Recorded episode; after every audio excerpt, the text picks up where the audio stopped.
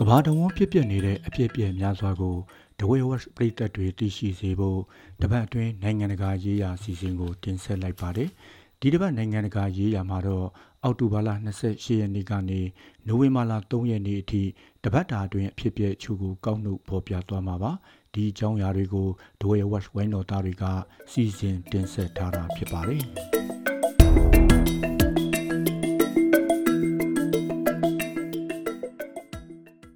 မေရိကန်ပြည်ထောင်စုအရှေ့မြောက်ပိုင်းကမိန်းပြည်နယ်လူဝစ်တန်မြို့မှာလူ18ဦးကို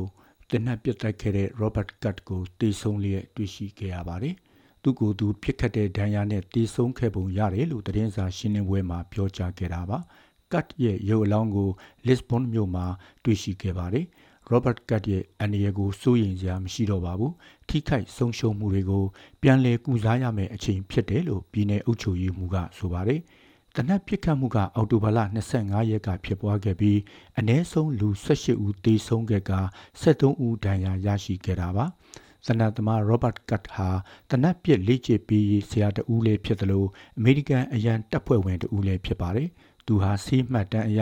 စိတ်ကျန်းမာရေးချို့ယွင်းမှုရှိသူလို့သိရပါတယ်။ဒါကြောင့်ရဲနဲ့လုံခြုံရေးတပ်ဖွဲ့ဝင်တွေကမိန်းပြည်နယ်အတွင်းတပ်ဖြတ်ထားပြီးသူ့ကိုအန္တရာယ်ရှိသူအဖြစ်သတ်မှတ်ထားတာဖြစ်ပါတယ်။ ဘင်္ဂလားဒေ့ရှ်နိုင်ငံမှာဝန်ကြီးချုပ်ရှိတ်ဟာစီနာကိုယာထုကဆင်းပေးဖို့တောင်းဆိုတဲ့ဆန္ဒပြပွဲတွေပြင်းထန်ခဲ့ပါတယ်။ဒါကာမြို့တော်ကဆန္ဒပြပွဲမှာလုံခြုံရေးတပ်ဖွဲ့တွေကိုကြောက်တုံးကြောက်ခဲတွေနဲ့ပြစ်ပေါက်ခဲ့ကြတာပါ။ရဲတပ်ဖွဲ့ကတော့ဆန္ဒပြသူတွေကိုမျက်ရည်ယူပုံသုံးပြီးလူစုခွဲခဲ့ပါတယ်။ဝန်ကြီးချုပ်ဟာစီနာနှုတ်ထွက်ပေးဖို့နဲ့ပါတီဆွဲမပါတဲ့ယာယီအိမ်ဆောက်အစိုးရတရက်ကိုအာဏာလွှဲပြောင်းပေးဖို့ဆန္ဒပြခဲ့ကြတာပါ။ နောက်အထွေထွေရွေးကောက်ပွဲကိုဥဆောင်ကြီးကြပ်ဖို့ဖြစ်ပါတယ်။ဝန်ကြီးချုပ်ဟောင်းဇီယာကိုထောက်ခံသူတွေကအစိုးရဆက်ကျင်တဲ့ကြွေးကြော်တန်တွေနဲ့အော်ဟစ်ဆန္ဒပြကြတဲ့အောက်တိုဘာလ28ရက်နေ့မှာတော့ရဲတပ်ဖွဲ့ကအသံဘုံနဲ့မျက်ရည်ယိုဘုံတွေတုံးပြီးဖြိုခွဲခဲ့တဲ့အတွက်ပုံမူပြင်းထန်လာခဲ့ပါတယ်။ ငိမ့်ချမ်းတဲ့ဆန္ဒပြပွဲတွေကိုလုံခြုံရေးတပ်ဖွဲ့တွေကဖျက်ဆီးပစ်လိုက်တာလို့အတိုက်အခံပါတီဘက်ကဆိုခဲ့ပါတယ်။ဆန္ဒပြပွဲဖြစ်ပြီးတဲ့နောက်အတိုက်အခံပါတီခေါင်းဆောင်ကိုဖမ်းဆီးခဲ့တယ်လို့တက်ကြွလှုပ်ရှားသူယာပေါင်းများစွာလည်းဖမ်းဆီးခံရပါတယ်။ အစ္စရေးဟာမတ်စစ်ပွဲ၃ပတ်တာကာလအတွင်းကလေးပေါင်း3300ကျော်တေဆုံးခဲ့တယ်လို့ Save the Children ကထုတ်ပြန်လိုက်ပါတယ်။ဒီအရေးအတွက်ဟာ2019ခုနှစ်ကမ္ဘာပဋိပက္ခတွေအတွင်းမှာတေဆုံးခဲ့ရတဲ့ကလေးအရေးအတွက်ကိုကျော်လွန်သွားတယ်လို့ဆိုလိုက်တာပါ။ဂါဇာဒေသမှာကလေးငယ်တထောင်ကျော်လဲပျောက်ဆုံးနေတယ်လို့ဆိုထားပါတယ်။တနေ့တည်းဂါဇာကမ်းမြောင်ဒေသမှာဟာမတ်စ်အခြေစိုက်နေရာပြစ်မှတ်600ကျော်ကိုတိုက်ခိုက်ခဲ့ပါတယ်။ ဂါဇာကမ်းမြောင်ဒေသကပါလက်စတိုင်းအရက်သားတွေကိုဟာမတ်စ်ဆက်ကျင်ရေးစစ်ပွဲကနေဘေးလွတ်ရာကိုရွှေ့ပြောင်းနေထိုင်ကြဖို့အစ္စရေးစစ်တပ်ကအောက်တိုဘာလ29ရက်နေ့ကထပ်မံတတိပေးထားပါသေးတယ် ဂါဇာဒေသမှာပိမိနေတဲ့နိုင်ငံသားတွေထဲကပထမသုတ်အနေနဲ့နိုဝင်ဘာလ၁ရက်နေ့ကအီဂျစ်နိုင်ငံကိုထွက်ခွာခွင့်ရရှိခဲ့ကြပါတယ်။ကာတာနိုင်ငံရဲ့ဂျာဝင်စီစံမှုရရာဖာနယ်စပ်ကိုပြန်ဖွင့်ပေးဖို့အစ္စရေး၊အီဂျစ်နဲ့ဟာမတ်စ်တို့အကြားသဘောတူညီချက်ရရှိခဲ့ကြတာပါ။ အီဂျစ်နိုင်ငံကိုဂါဇာဒေသကအမေရိကန်၊ဗြိတိန်၊ဂျပန်၊အင်ဒိုနီးရှားနိုင်ငံပေါင်းစုံကနိုင်ငံသား360ထက်မနည်းထွက်ခွာခွင့်ရရှိခဲ့ပါတယ်။ဒါအပြင်ပြင်းပြင်းထန်ထန်ဒဏ်ရာရထားတဲ့ပါလက်စတိုင်းတချို့ဂါဇာဒေသကနေထွက်ခွာပြီးစေကူတာခွင့်ရရှိခဲ့ပါတယ်။နိုဝင်ဘာလ2ရက်နေ့မှာလည်းဘတ်စကားနှစ်စီးစာနိုင်ငံခြားပတ်စပို့ကိုင်းဆောင်ထားသူတွေအီဂျစ်နိုင်ငံဘက်ကိုထပ်မံထွက်ခွင့်ရရှိခဲ့ပါတယ်။ ရုရှားသိမ်းထားတဲ့ယူကရိန်းနိုင်ငံအရှေ့ပိုင်းကဘော်နိုဘာခါမြို့မှာယူကရိန်းကလေးငယ်2ဦးအပါအဝင်စုစုပေါင်းလူ9ဦးပါတဲ့မိသားစုတစ်ခုအိယာပေါ်မှာတနတ်ဒဏ်ရာတွေနဲ့တေဆုံးနေခဲ့ပါတယ်။သူတို့မိသားစုဟာအိမ်ကနေဖယ်ပေးဖို့ညင်းပယ်ကြတာကြောင့်အောက်တိုဘာလ28ရက်မှာရုရှားစစ်သားတွေတပ်ဖြတ်ခဲ့တာလို့ယူဆထားတာပါ အသက်ခံရသူမိသားစုဝင်တွေဟာပွေ့ဖက်ထားကြတာပါကတင်ပေါ်မှာသွေးတွေနဲ့လဲကျနေပြီးကြီးစံထိမှန်ထားတဲ့ဒဏ်ရာတွေနဲ့တေဆုံးခဲ့ပါတယ်။ရုရှားဘက်တိမ့်ပိုက်သူတွေကအိပ်ပျော်နေတဲ့မိသားစုကိုတပ်ဖြတ်ခဲ့ပြီးတပ်ဖြတ်ခံရသူတွေဟာသူတို့အိမ်တွေကိုရုရှားတွေကိုလွှဲပြောင်းပေးဖို့ညှင်းဆန်နေသူတွေဖြစ်တယ်လို့ယူကရိန်းစုံစမ်းရေးအရာရှိကဆိုပါတယ် အင်ဒိုနီးရှားနိုင်ငံမှာဘော်နီယိုကျွန်းထဲမြို့တော်တည်ဆောက်မဲ့အစီအစဉ်ကိုတမရဂျိုကိုဝီဒိုဒိုကရှေ့ဆက်လှုပ်ဆောင်နေခဲ့ပါတယ်။နိုင်ငံတကာလေဆိပ်ကိုတစ်နှစ်အတွင်းတိစောက်မဲ့အစီအစဉ်ကိုကြေညာခဲ့တယ်လို့ဆေးရုံနဲ့ဟိုတယ်တစ်လုံးကိုလည်းစတင်တိစောက်မယ်လို့စီစဉ်နေခဲ့ပါတယ်။အစိုးရရုံးဆက်ရာမြို့တဲ့နူဆန်တယာကိုတိစောက်ပြီးဂျကာတာမြို့တော်ကကားလမ်းပိတ်မှု